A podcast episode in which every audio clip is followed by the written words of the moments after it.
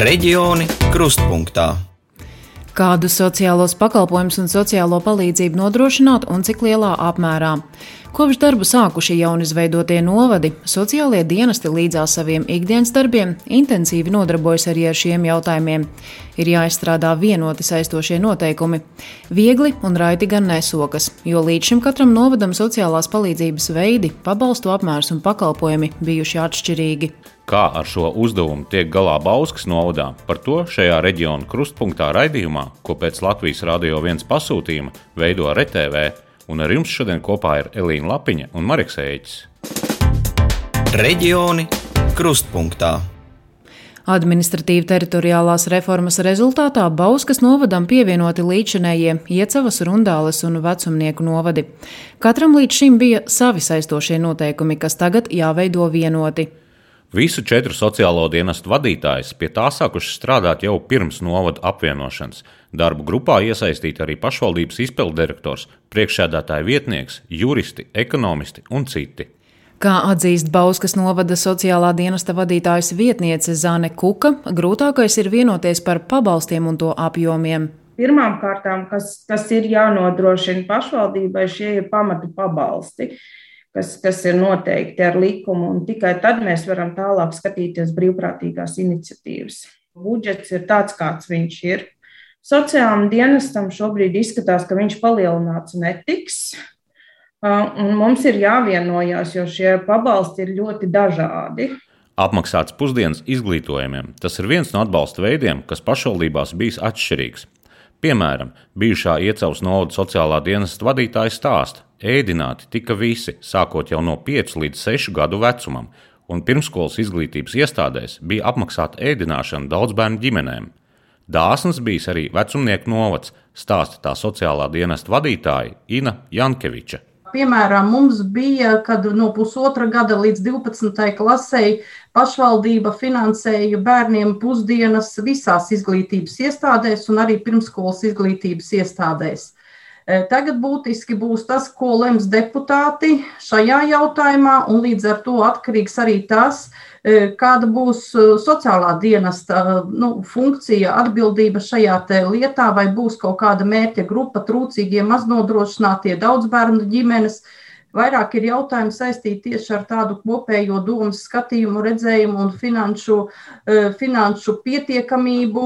Patreiz arī patiešām liekam kopā lielu tabulu, kurā uh, paredzēts salikt visi pabalsti, kas jau katrā novadā ir bijuši. Pretī liekam uh, prognozējumu iedzīvotāju skaitu, mērķa grupu, kas varētu saņemt šo pabalstu, un arī attiecīgi uh, finansējumu. Protams, tā lielā problēma ir tieši šis finansējums, jo mēs jau varam domāt, plānot un gribēt apmierināt visas iedzīvotāju grupas, bet budžetā nauda kā parasti mēdz teikt, ir tik, cik viņa ir, un arī brīvprātīgās iniciatīvas pabalsti ir, nav primārie pabalsti, tātad sociālās palīdzības pabalsti vispirms ir jānodrošina pašvaldībai. Dažādi brīvprātīgās iniciatīvas pabalsti līdz šim bija pieejami bijušajā Rundāles novadā.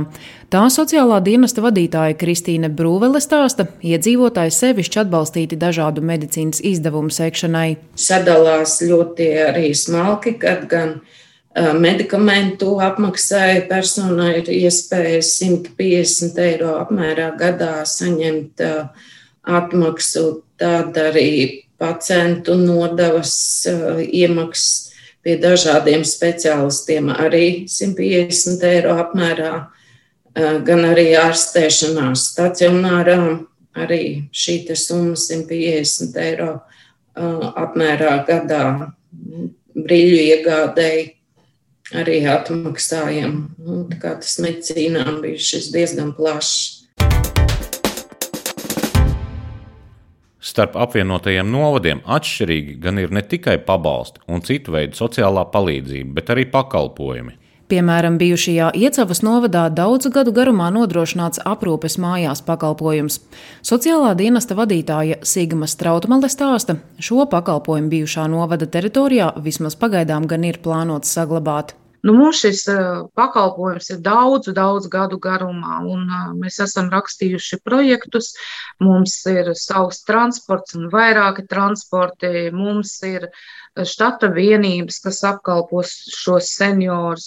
Mums ir zupas virtuve, kur mums ir līgums, un tad šo zupas virtuvi mums ir iespēja pašiem darbiniekiem izvadāt aprūpējumiem uz mājām.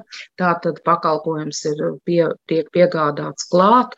Nu, es uzskatu, ka šis ir tāds mūsu liels ieguldījums, un arī cilvēki ir ļoti apmierināti. Kaut vai tas, ka tomēr tas vairāk vai mazāk savējais teritorijas cilvēks atbrauc pie šī aprūpējumā, parunājās, ja nepieciešams aizver viņu pie ārsta, ja nepieciešams atved iepirkties, ja nepieciešams. Nu, protams, tas jau īsti varbūt līgumā nav, bet nu, tiek aizvests arī uz skapiem, tiek atvests arī šeit uz uh, poliklīniku, atnāk dakteri pie mums palūdz, mēs arī atvedam klientu neatkarīgi no tā, vai tas līgums ir vai nav. Mēs varam strādāt tā diezgan ātri, un, un koncentrēti, nav mums problēmas.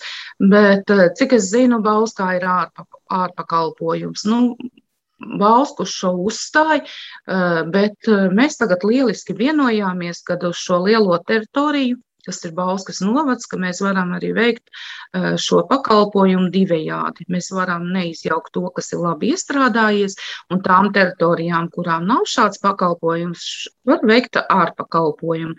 Es domāju, ka pašlaik tas ir ļoti labs risinājums, un ko rādīs nākotne. Vienmēr tā, var kaut ko mainīt, un vienmēr var darīt arī savādāk. Reģioni krustpunktā.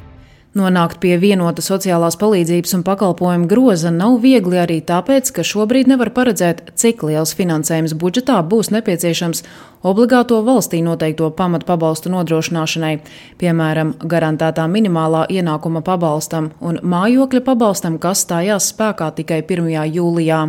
Bauskas novada sociālā dienesta vadītājas vietniece Zane Kuka stāsta, lai mājokļu pabalstu varētu saņemt plašāks iedzīvotāju lokus, pašvaldības var noteikt labvēlīgāku koeficientu nekā to nosaka likums. Bet Bauskas novadā pagaidām plānots pieturēties pie likumā noteiktā. Tas ir ļoti provizorisks uh, aprēķins nākotnē. Mums ir jāpastrādā, un tad mēs varam skatīties, cik liela nauda būs nepieciešama šam.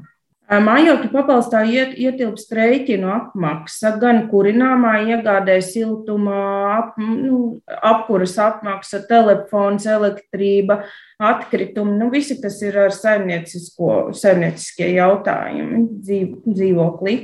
Mainījusies ir aprēķina kārtība, ko formula pēc kā aprēķina šo mājokļu pabalstu. Uh, Šobrīd nu, lielākoties maznodrošinātas personas krīt ārā no šī groza, kas varēs saņemt šo mājokļu pabalstu. Personas, kam ienākumi ir virs 327 eiro, šie cilvēki lielākoties krīt ārā no, no šī pabalsta. Pašvaldība, nu, mēs šobrīd neesam pievienojuši koeficientu kas palielinātu šo mērķu grupu, kas varētu šaņa, saņemt šo mājokļu pabalstu. Jo mēs, nu, mēs nevaram provizoriski aprēķināt, cik tas būs nepieciešams mūsu budžetā, naudas palielinājums.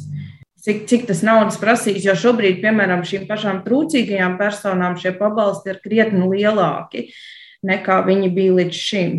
Zane Kuka vēl piebilst, sociālajiem dienestiem šobrīd būtībā sanāk nodarboties ar apjomīgu grāmatvedību, kas līdz šim tā nebija. Saistošajos noteikumos tika atrunāts pabalsta apmērs, nu, protams, arī izvērtēta situācija, gan, gan ienākumi, īpašumi, nekustamie, kustamie, nu, kas jau bija likuma normās noteikti. Nu, šobrīd ir tā, ka katrs klients nāk ar saviem rēķiniem pilnīgi par visām pozīcijām.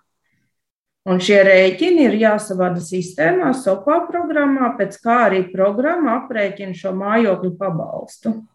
Un tas jums ir jāparedz jau par visu nākamo gadu. Jā.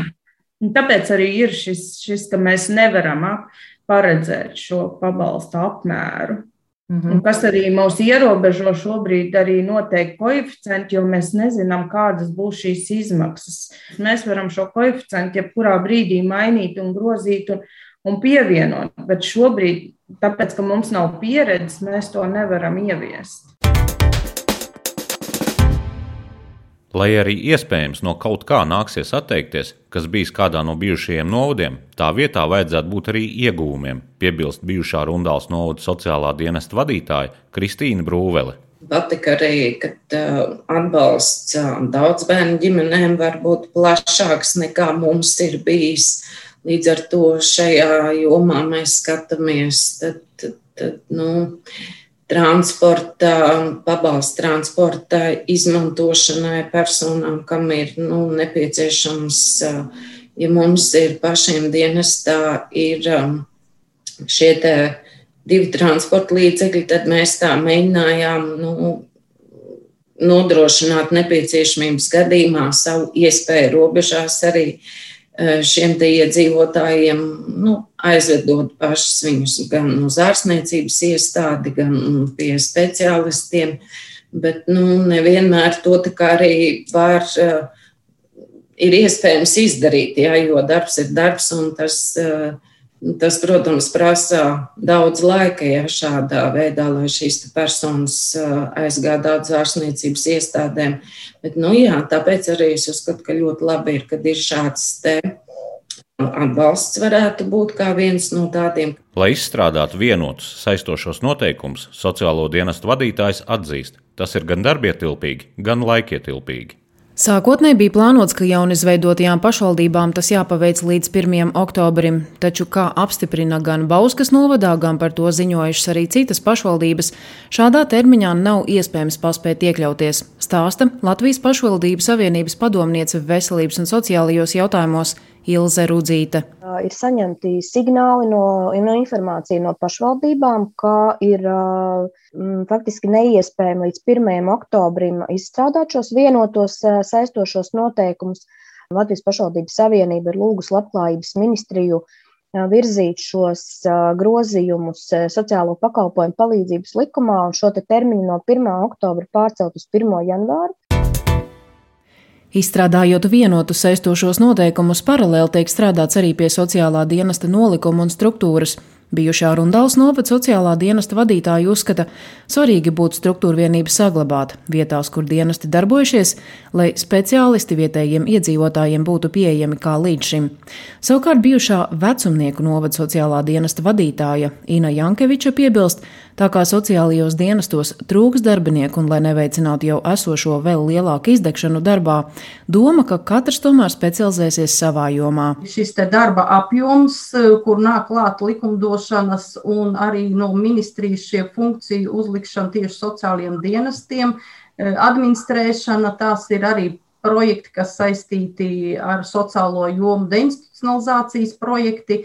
Tās visas lietas ir saistītas ikdienā, m, patērē ļoti daudz resursu uz darbu un, un arī laiku tieši arī administrējot, runājot, un tā kā tas darba apjoms katrā gadījumā pieaug un uh, Domājot par specializāciju, mēs arī tādā veidā gribam tieši iet uz to, ka katrs darbinieks nu, vairāk tādā vienā jomā specializējas, piemēram, ģimenēm ar bērniem, un tad viņš tādā kopīgā darba apjomā tver to visu savu darba lauku, nevis viņam plus vēl nāk kaut kādi citi pienākumi. Tas viss būtu sadalīts tā, nevis tie saucamie universālie sociālie darbinieki, kā arī mums līdz šim vecumnieku sociālajā dienestā ir bijis, bet mēs tā kā ejam arī uz šo specializāciju, par ko mēs esam vienojušies visas četras, kad mēs ejam uz šo specializāciju. Kā mums veiksies, kā ies tas, tad skatīsimies jau kādā no citām reizēm. Kā turpmāk jaunajos novados strādā sociālie dienesti, kāda sociālā palīdzība un pakalpojumi un kādā apmērā iedzīvotājiem tiks nodrošināti, par to jau vēl strādājot pie kopējā novada budžeta būs jālemj jaunā sasaukuma deputātiem. Bet jau nākamajā reģiona kruspunktā raidījumā kolēģi no Kurzemes interesēsies par rehabilitācijas nepieciešamību pēc Covid-19 izslimošanas. Paldies, ka klausījāties! Visu labu!